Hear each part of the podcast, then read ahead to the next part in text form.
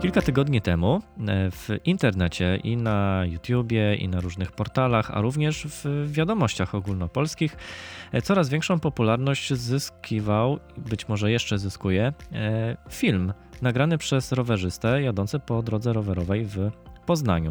Na filmie tym widać, jak skręcający w prawo bus a właściwie jego kierowca, wymusza pierwszeństwo na rowerzyście.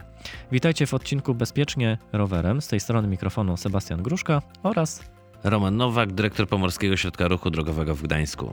Cześć Roman. Cześć Sebastian, cześć wszystkim. No i tak jak zapowiedziałem na wstępie, właśnie dzisiaj będziemy komentować sytuację, która y, została zarejestrowana kamerą. Nie milkną echa tego nagrania.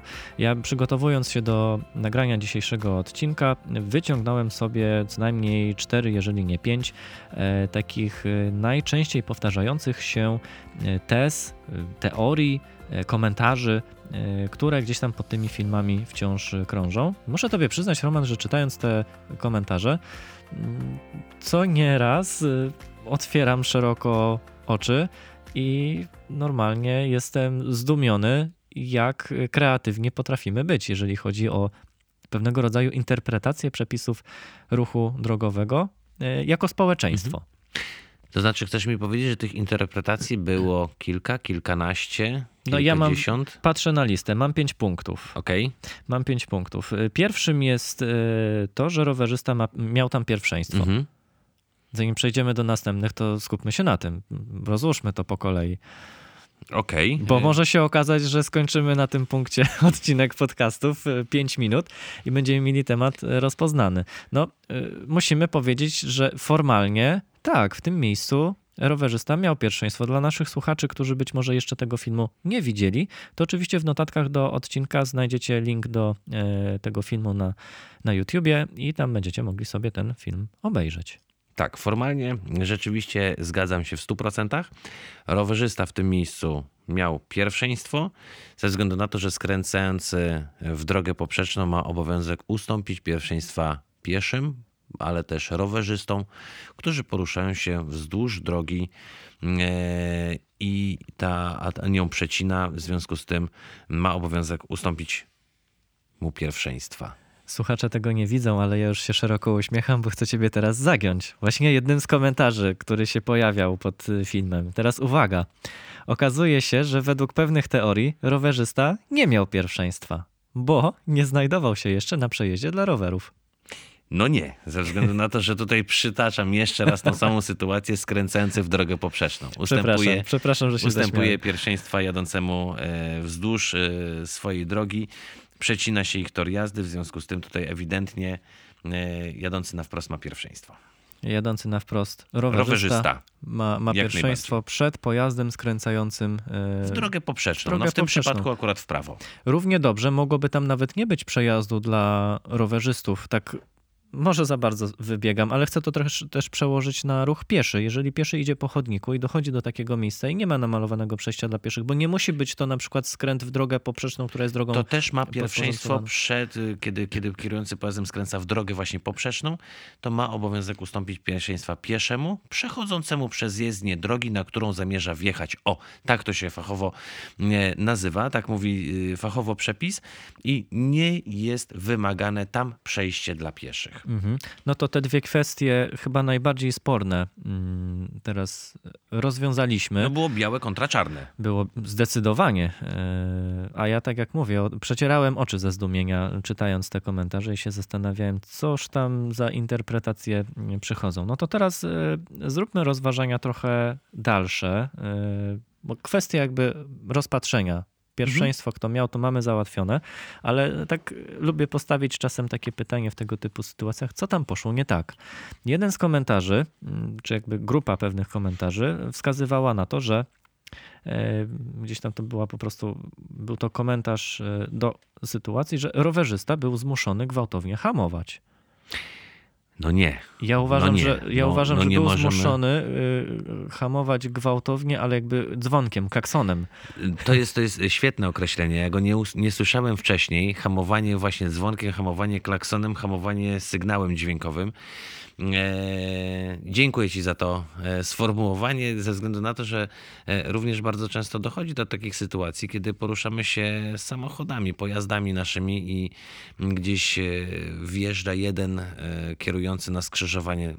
Ostatnio taką sytuację widziałem na skrzyżowaniu ruchu okrężnym, natomiast znajdujący się inny kierujący na tym skrzyżowaniu ruchu okrężnym również hamował klaksonem, czyli nacisnął na pedał przyspieszenia i na klakson, żeby, nie wiem, wystraszyć. Wystarczyło nawet ośmielę się powiedzieć, że nie, nie musiałby nawet chociażby zdejmować nogi z pedału przyspieszenia, by móc płynnie przejechać ten ruch, mógłby się e, odbyć bez jakiegokolwiek nerwowych, bez jakichkolwiek nerwowych ruchów. Natomiast e, nie zgodzę się, oglądając ten filmik kilka, kilkanaście razy, że miało miejsce tutaj jakiekolwiek gwałtowne hamowanie. No, no, no niestety nie. Tutaj nastąpiło zwolnienie według mnie przez rowerzystę, ale już e, w takim e, ostatecznym momencie wjeżdżając na ten przejazd dla rowerzystów.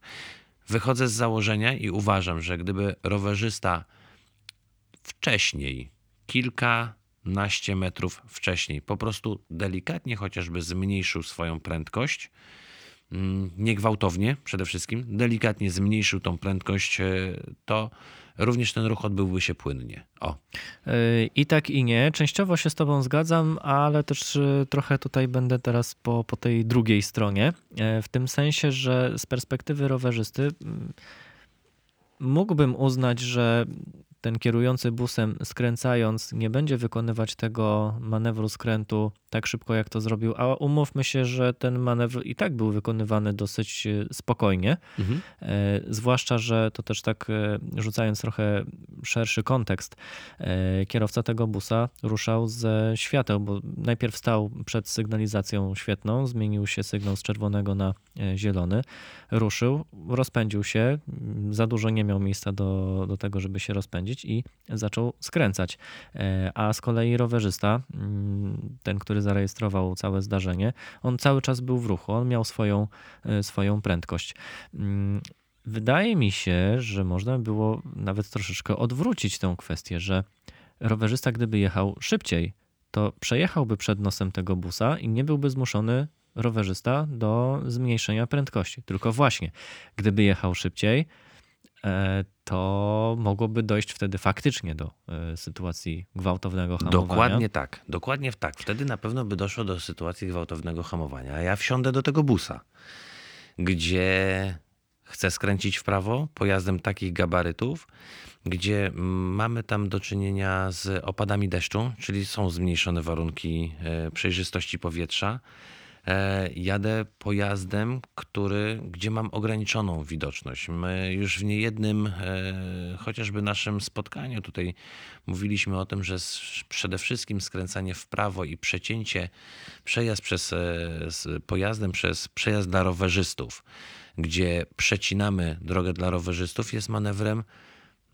trudnym, ze względu na to, że o ile widzimy rowerzystę nadjeżdżającego z przeciwka, to bardzo ciężko jest zauważyć rowerzystę, który jedzie równolegle z nami, bądź też dojeżdża do takiego przejazdu, tak jak to było, miało miejsce tutaj w tym przypadku, kiedy tym busem człowiek ruszał i skupił się najprawdopodobniej na tym, co się dzieje w obrębie tego przejazdu dla rowerzystów, a nie skupił się na tym, że równolegle z nim porusza się pojazd jednośladowy, porusza się rowerzysta, gdzie najprawdopodobniej, ale to już jest mój domysł, nie chcę tutaj nikogo usprawiedliwiać, jak najbardziej.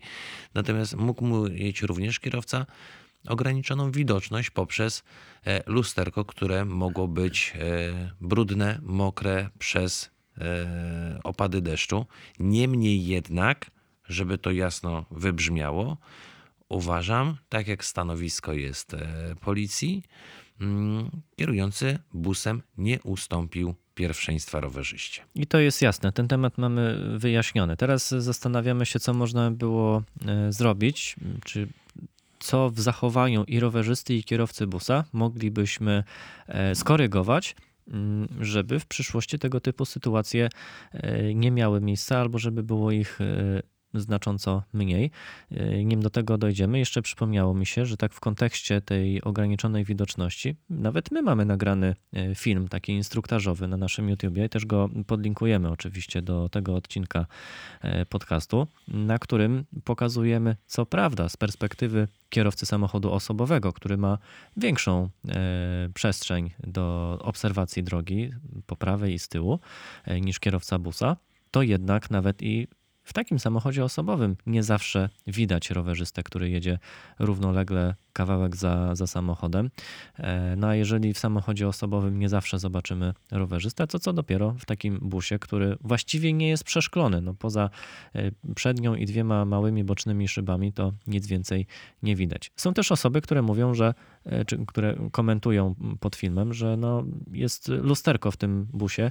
Niektórzy się tam nawet próbują dopatrzeć, czy poza tym standardowym lusterkiem dużym, normalnym, klasycznym, czy po, poniżej jest jeszcze lusterko sferyczne.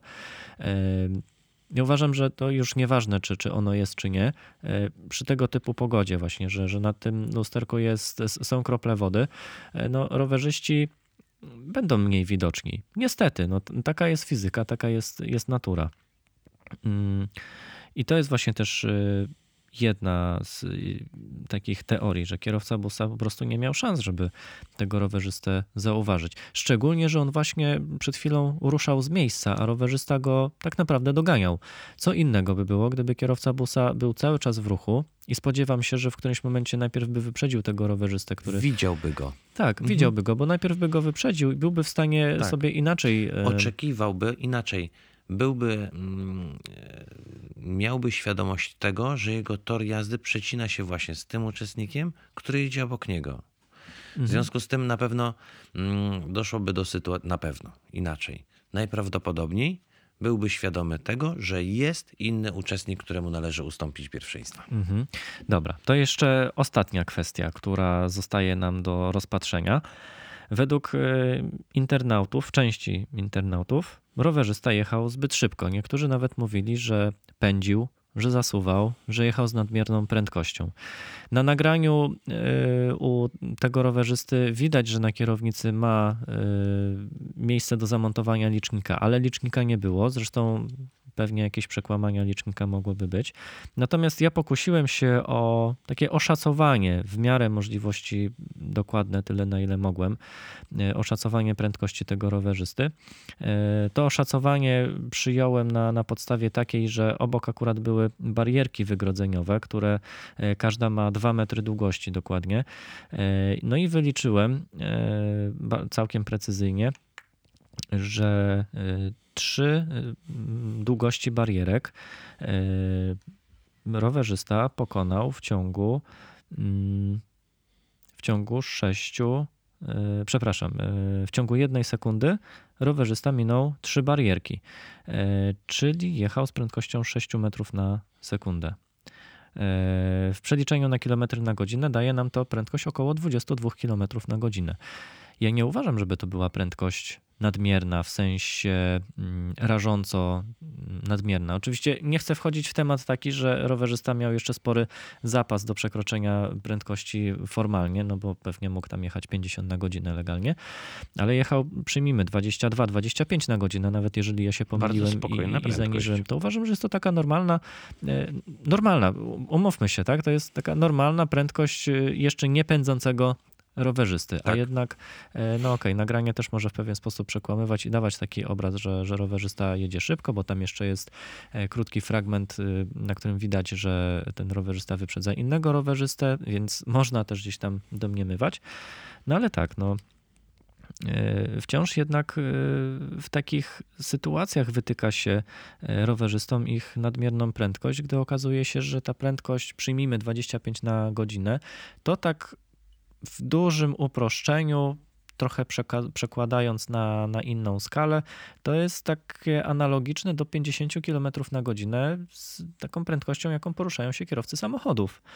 I nie twierdzimy, że jadący 50 na godzinę kierowca samochodu w podobnych warunkach yy, pędzi. Przyjmujemy i jesteśmy nauczeni, że jest to taka normalna prędkość. Standardowa, maksymalna, dopuszczalna, która no, powinna zagwarantować zatrzymanie pojazdu w odpowiednim miejscu, w zależności gdzie jesteśmy. Ale ja mam jeszcze jeden argument, którym chcę obronić to, że rowerzysta nie miał nadmiernej prędkości, albo inaczej, że miał prędkość dostosowaną do warunków ruchu. E, pomijając to, o czym mówiliśmy wcześniej, że hamował zbyt późno, mógł jakby rozpocząć manewr hamowania wcześniej. E, i zamiast hamować najpierw rozpoczął e, hamowanie dźwiękiem, klaksonem, to jednak do zdarzenia nie doszło. A to jest jakby jeden z takich czynników, który, który możemy wykorzystać do tego, żeby obronić y, prędkość rowerzysty, że ona nie była nadmierna, dostosowana po prostu do, do, do, do warunków na, na drodze, do umiejętności kierującego tym pojazdem. Mam na myśli rowerzystę, zapanował nad rowerem, nie wywrócił się, wyhamował w porę, e, pomijając to, że mm, zaczął hamować zbyt późno. E, udało mu się uniknąć sytuacji e, gorszej w skutkach. I całe szczęście, że w tym momencie każdy z tego wyszedł cało, przede wszystkim cało, bez uszczerbku jakiegokolwiek na zdrowiu, wyszedł e, rowerzysta. Ja myślę, że bardzo łatwo nam jest zawsze komentować i interpretować sytuacje, które wrzucone są do sieci na zasadzie jakiegoś filmiku, jakiejś sytuacji. I wtedy analizujemy to, kto miał pierwszeństwo, kto się źle zachował, kto się dobrze zachował, kto jest tym dobrym, a kto jest tym złym. Natomiast e, nie, nie wiemy, jak to rzeczywiście wyglądało w rzeczywistości. Nie wiemy, jak, e, jakie, jakie były rzeczywiście warunki, bo to tylko i wyłącznie jest zapis z kamery. Mm, natomiast możemy przede wszystkim zaapelować i, i nakłonić bardzo serdecznie do tego e, kierujących pojazdami mechanicznymi, którzy to skręcają właśnie w drogę poprzednią, że mogą spodziewać się w miejscach e, takich rowerzystę dojeżdżającego do przejazdu dla rowerzystów, że mają obowiązek ustąpić im pierwszeństwa. Możemy również zaapelować do rowerzystów, by używali oświetlenia zewnętrznego. E, myślę, że takie oświetlenie, taka lampka, e, przednie światło przede wszystkim byłoby dużo, e, ułatwiłoby widoczność rowerzysty w lusterku na przykład takiego busa. Nie, nie wiem, czy nie było włączone, czy też... E, czy, czy, czy, tego nie widzimy na filmie. Tego nie widzimy. Czy było to oświetlenie włączone, czy też nie. Nieważne. Apeluję, apeluję przede wszystkim o to, żeby takiego oświetlenia używać w warunkach zmniejszonej przejrzystości powietrza. I również apeluję e, do kierowców, skręcających przede wszystkim w drogę poprzeczną, by robili to w sposób spokojny, rozważny i mieli w miarę możliwości stuprocentową pewność, że nie dojdzie do, nie doprowadzą do jakiejkolwiek sytuacji niebezpiecznej. Przy okazji oświetlenia jeszcze przypominam sobie jeden taki obrazek, że mm, to mam obrazek taki w głowie. E, wyobraźnia mi całkiem działa tutaj w, w tych kwestiach. Bo zdarza się, że mamy na rowerze zamontowane oświetlenie, w tym kontekście mówię o oświetleniu przednim. Ono jest zamontowane na kierownicy. Nasza głowa jest jakieś 50-80 cm wyżej niż kierownica i my obserwujemy drogę z perspektywy naszej głowy, a nie z perspektywy naszej lampki. I już raz czy dwa razy byłem świadkiem takiej sytuacji, że jadąc po zmroku miałem włączoną lampkę na kierownicy, a kierowca zauważył mnie zbyt późno i ja się zastanawiałem, dlaczego mnie późno zauważył, skoro miałem włączoną lampkę i ona świeciła dobrze, wystarczająco mocno i, i jasno. I wróciłem w to miejsce parę dni później jeszcze raz i spojrzałem, aha, po jednej czy tam po, po drugiej stronie, załóżmy po mojej lewej stronie, bo samochód wyjeżdżał z lewej strony, po mojej lewej stronie była bariera energochłonna. Która zasłoniła. Która po prostu mhm. zasłoniła tą lampkę, więc y, też musimy jako rowerzyści po prostu mieć tą świadomość, że to oświetlenie nie jest idealne. No, fizyki nie oszukamy. Y, tak to po prostu czasami. A wiele jest. elementów może rzeczywiście, tak jak powiedziałeś, super przykład, y, zasłonić nas zasłonić nasze oświetlenie i weźmy to pod uwagę. Tak jest. Y, I kończąc jeszcze temat y, kierowcy busa, y, może do tego nie będziemy się jakoś szczególnie odnosić, ale znalazłem też taki komentarz sugerujący, że kierowca busa w tej konkretnej sytuacji powinien był zrobić wszystko, żeby się upewnić, czy nie nadjeżdża rowerzysta, a skoro nie miał dostatecznej widoczności z wewnątrz pojazdu, powinien był zatrzymać pojazd, zabezpieczyć go, wyjść z samochodu i y, stojąc przed samochodem ocenić sytuację na drodze. Mm, z jednej strony ja to rozumiem, z drugiej strony e, nie wyobrażam sobie tego w praktyce, no bo nim wsiądziemy do samochodu, e, nim rozpoczniemy dalszą jazdę, mija naprawdę kilka dobrych sekund i może się okazać, że te kilka sekund spowoduje, że znowu. Sytuacja zmieni się. Tak, że, że sytuacja się zmieni. Łatwiej by było, gdyby kierowca busa miał pasażera, wtedy, wtedy mógłby poprosić pasażera, żeby spojrzał przez prawe okno i sytuacja byłaby łatwiejsza.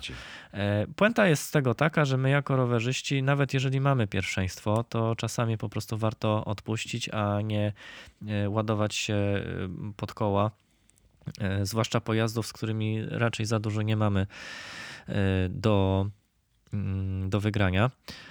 E, I jeszcze jedną ważną rzecz chciałem powiedzieć, ale teraz straciłem wątek. Natomiast, żeby nie było tak, że stoimy tylko po, po stronie kierowców, e, mm, czy, czy, bo, bo, tak, po, po stronie kierowców samochodów, e, no to też tutaj powtórzę właściwie Twój apel, żeby kierowcy samochodów też robili co, co mogli, żeby mm, no, mieć chociaż takie poczucie, tak, że jak już doszło do, do zdarzenia, żebym miał takie poczucie jako kierowca samochodu, że no kurde, no zdarzyło się, ale zrobiłem wszystko, co naprawdę mogłem, wykorzystałem wszystkie możliwości, jakie e, miałem w danym momencie, żeby się upewnić, e, żeby przewidzieć tą sytuację. No zdarzyło się, nie udało się, nie, nie przewidziałem, ale chociaż będę miał to wewnętrzne poczucie, że zrobiłem wszystko, co mogłem. Jak najbardziej. O to, o to odchodzi, a ja chciałbym również zaapelować takim jednym hasłem. Nie walczmy o pierwszeństwo za wszelką cenę, bo możemy to naprawdę przepłacić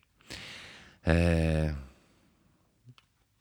zdrowiem albo i życiem. Niestety tak. E, A, jeszcze jedna rzecz mi się przypomniała, którą też chciałem skomentować. Mówiłem o hamowaniu klaksonem, ale to faktycznie też jest tak, że nawet i jako kierowcy samochodów widzimy e, innych kierowców samochodów, którzy mając pierwszeństwo, jadą dalej używają klaksonu mm, po to, żeby właśnie w pewien sposób zaanonsować, że ja miałem pierwszeństwo, że ty mi wymusiłeś pierwszeństwo. Tutaj właśnie też tak można tą sytuację e, odebrać. Czyli brak takiej współpracy, brak takiego zrozumienia, e, a hamowanie klaksonem. hamowanie klaksonu. Dziękuję Ci za to sformułowanie. Będzie mi na pewno towarzyszyło bardzo długo. Zatem dzisiejszy odcinek y, kończymy hasłem hamujmy klaksonem, a właściwie nie, hamujmy hamuj. klaksonem. Nie hamuj klaksonem, tylko hamuj hamulcami, bo po to są hamulce.